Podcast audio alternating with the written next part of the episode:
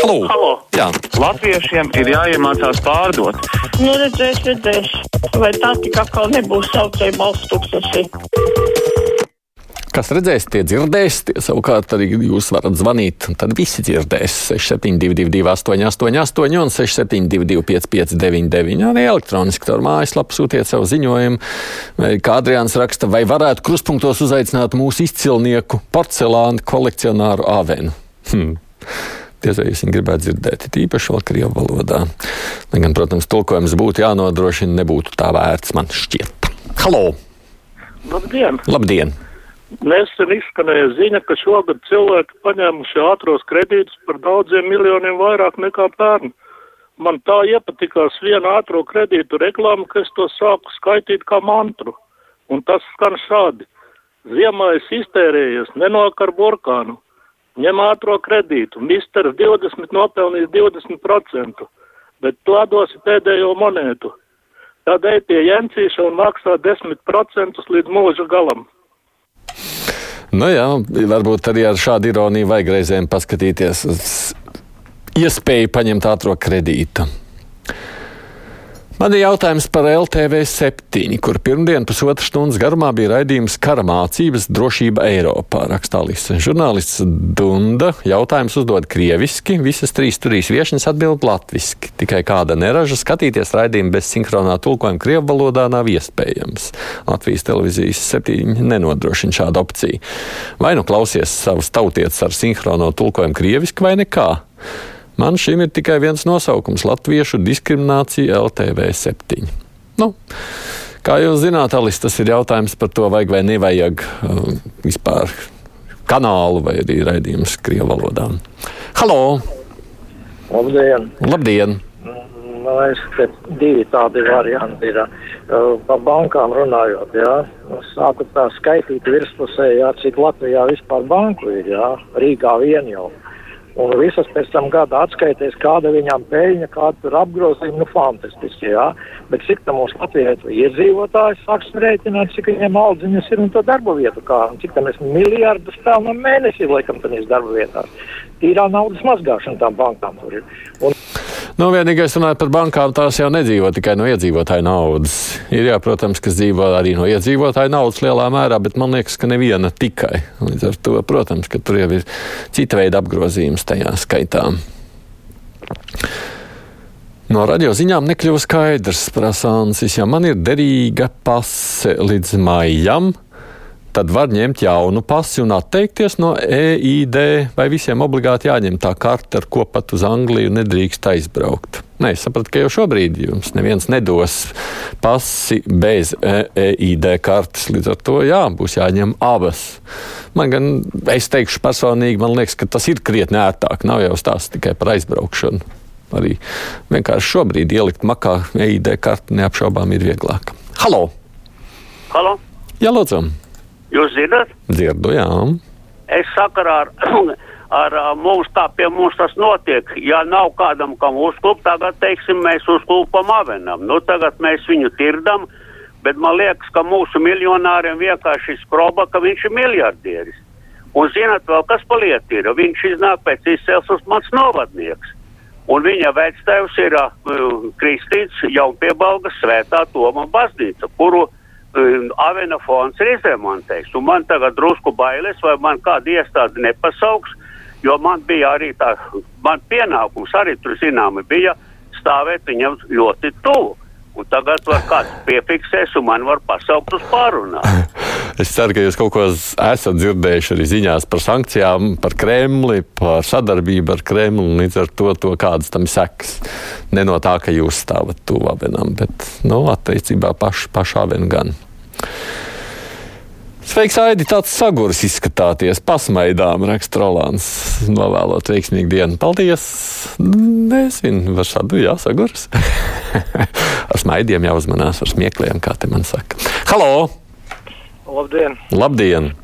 Man arī ir viedoklis eh, attiecībā par tēmu, kur ir rādio un televīzijas apvienošana, kur principā arī šī iepriekšējā intervija, kas tagad bija ar, par laikrakstiem, viņi ir diezgan smieklīgi un atgādināja man varbūt mašīnu rakstītājs, kurš agrāk rakstīja vai pārrakstīja, arī iespējams varētu tāpat jūsmot un intervēt kādu, kurš vēl rakstā mašīnām kaut ko raksta un teikt, ka, nu, vajag, bet būtībā ir televīzija un, un rādio ir zaudējuši jau informācijas, teiksim, izplatītāju tiesības, it sevišķi vēl tad, kad bija monopols un tas piederēja valstī. Un tagad pat arī nu, ziņu lasītāji varētu, varētu būt digitāli jau ar laiku, un tur arī tiks aizstāti cilvēki, un tas viss mainīsies. Un vēl ko es gribēju pateikt, kad sabiedriskais mēdījis jau neinformē, sabiedriskais mēdījis savā būtībā ietekmē savu klausītāju. Mm, bet kāpēc jūs klausāties? Man tāds ziņkārīgs jautājums. Uh, nu, man darbs ir tāds, tas ir viens un otrkārt. Man interesē, kādiem līdzekļiem sabiedrība tiek ietekmēta, kas tiek darīts, jo jūs jau ne jau informējat. Jums visa informācija, ko jūs pasniedzat, ir kaut kāds mērķis. Nevis jūs tāpat vienkārši informējat mani par kaut ko. To es visu zinu. Mm, Bet tas, tas kā jūs to pasniedzat, tas ir tas, kas man ir ļoti interesanti. Un es, piemēram, mēģinu uzminēt, kas ar to tiek panākts, kāds ir mērķis. Bet jūs pats neļaujaties ietekmēt, jā? Ja? Uh, nu, es, es ne, akli to neklausos, jo vienmēr ir jautājums, kāpēc man to zināt? Kāpēc man zināt, cik ir aizgājuši cilvēki katru dienu, katru stundu bojā kaut kur? Tad... Nu, tas ir mūžīgais jautājums, kāpēc cilvēkam vispār kaut ko vajag zināt un kas notiek tajā brīdī, kad kaut ko analizē vai diskutē. Jo, protams, ka jebkāda analīze un diskusija jau mūs ietekmē, citādi jau nemēdz būt. Vai mums to vajag vai nevajag? Tas ir, protams, jūsu pašu izvēle. Vienīgais, es vienmēr pasmaidu par tiem, kas saka, es jau neietekmējos, es tikai klausos. Mm, tā, lūk, gan Ķīnas, gan Turcijas piemērs parāda, ka autoritāras valsts iekārtas nav spējīgas nodrošināt iedzīvotāju aizsardzību ne pret vīrusu, ne pret zemestrīcēm, ne arī pret korupciju. Raksta mums Ivars. Nu, tā nu ir, tas tiešām ietekmē. Halo! Halo, labdien! Labdien! Aidis. No. Tā, es tagad gribu par pa, pa latviešu valodu bišķīt, jā? Ja? Jā. Kā zani daudziņa, kaut vai televizoru slēdz ārā, jeb sasit viņu no dusmām, kā izkropļo latviešu valodu viņa. Kādā veidā? No, ko lūdzu? Kādā veidā es tā domāju? Nu, viņa no krievu valodas visu runā akcentu tādu, jā? Ja? Nu, kaut tur filma, šī ugunsgrēka, kāda tur filma, jā, bet priekš kam tā izkropļot un pati māca vēl, kā saka, kā runāt latviski un visu, bet latviešu valodu viņa nevar klausīties pat. Nu, redz, kā ir. Ne, mums vienmēr šķiet, ka tas veids, kā mēs runājam, tā ir pareizi. Jā, it īpaši, starp citu, runājam par latviešu valodu. Nu, It īpaši jau par dialektiem skatoties, vai obligāti tas veids, kādā mēs esam šajā vidus dialektā runājot, tas, tas vienīgais pareizais, tas ir interesanti. Kad brauks tie jaunie vilcieni maršrutos, redz vagonu parkā, ka tie jau tur stāv un reizēm braukā testu braucienos. Tīri labi, taču ripo, Uldis saka. Es saprotu, tā pielāgošanas vajadzība ir pietiekoši liela, un tāpēc nevar uzreiz likt viņus vienkārši uz sliedēm virsū.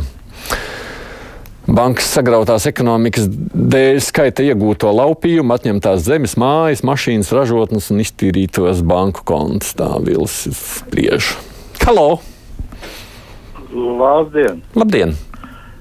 Es par rīt gaidāmo Kariņa kunga benefici. Divi jautājumi. Bet man ja nejautājiet, jo es nebūšu rīt. Man kolēģi būs. Ja jūs tagad jā, jautāsiet, nu, tas jau varbūt, neaizies līdz viņam. Varbūt kā kāds cits tad varēs. Lai es pār, pār uzdot, jā. Nu labi, sakiet. Nu, iepriekšējā valdība solīja mums mazināt nevienlīdzību, vai ne? Nu, zinām, kā tas izpaudās. E, Kariņkungu vadībā izstrādājot to vienotu atalgojumu sistēmu, vai kā nu to tur sauc, vai ne? Lai varētu konkurēt ar privāto sektoru, kur, nu, kā jau pie mums pieņemts, priekšnieka algas kosmisks, bet strādājošiem bieži vien maksā zem minimālās, vai ne? Mm. Nu, Jūs tā to saredzat, nu labi, jā. Un tagad šito sistēmu valdības pārvalde, valdes pārvalde arī ieviesīs, jā, lai varētu konkurēt. Nu, mums, Šī koeficients augs arī nākotnē. Mums jau valsts pārvaldē, protams, ir šī atšķirība liela. Tā jau tas arī ir bijis. Diemžēl. Nu, nu jā, tas, tas ir starp augšu un apakšu, cik liela ir tā starpība. Mm, tā vai sarkandaugavas pārvada apzināta nenodošana eksploatācijā no celtnieku puses nav nodevība pret Latvijas valsts vēlmēm palīdzēt Ukrainai, prasa Ivars. Vai celtnieku minētās apdrošinātāju bailes no odiem acīs nav apzināta apdrošinātāju noruna ar celtniekiem, līdzīgi beidīgiem celtniecības kartelim. Un tas viss uz Eiropas Savienības Latvijas nodokļu maksātāju kakliem. Rīgas domas muškungu var piesaukt kaut vienu reālu bīstamību eksploatācijā, palaižot pārvadu, izņemot baumas. Ivars, man liekas, ne pirmo reizi raksta par sarkanu Daugavas pārgāvadu. Iespējams, ka tiešām vajadzētu kādiem no Rīgas atbildēt, kur ir tā problēma, kāpēc, jo pēc izskata, nu, kā uzcelts ir stāv, tikai nevar laist mašīnas pāri. Nodošana ir svarīgs process, bet kāpēc tik garš, nu, droši vien, ka vajadzētu atbildēt jautājumu, lai cilvēki zina. Halo! Labdien! Labdien! Nu, tagad pēdējā laikā cepās par to Avenu kungu. Ja? Nu, viņš, ir, viņš ir tīrākais latviečs un viņam taisās atņemt uh, pilsonību nos. Viņš taču būtu Latvijai ļoti izdevīgs.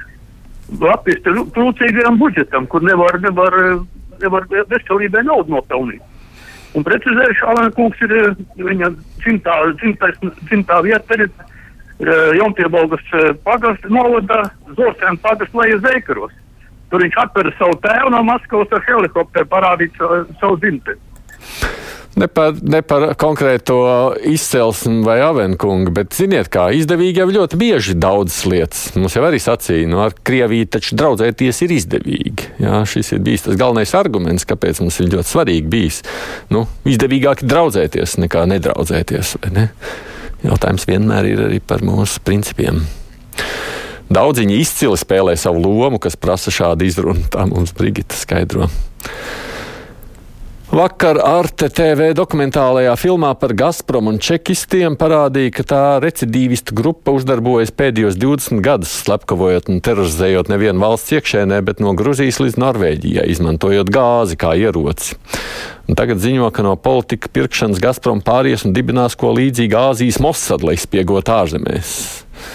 Tā te Guns raksta, jā, neredzēju, gan jāatzīst šo jūsu pieminēto filmu. Paldies visiem, kas rakstījāt, zvanījāt brīvajā mikrofonā ziņas priekšā. Pēc tam mēs runāsim par Latvijas radio un televīzijas apvienošanu.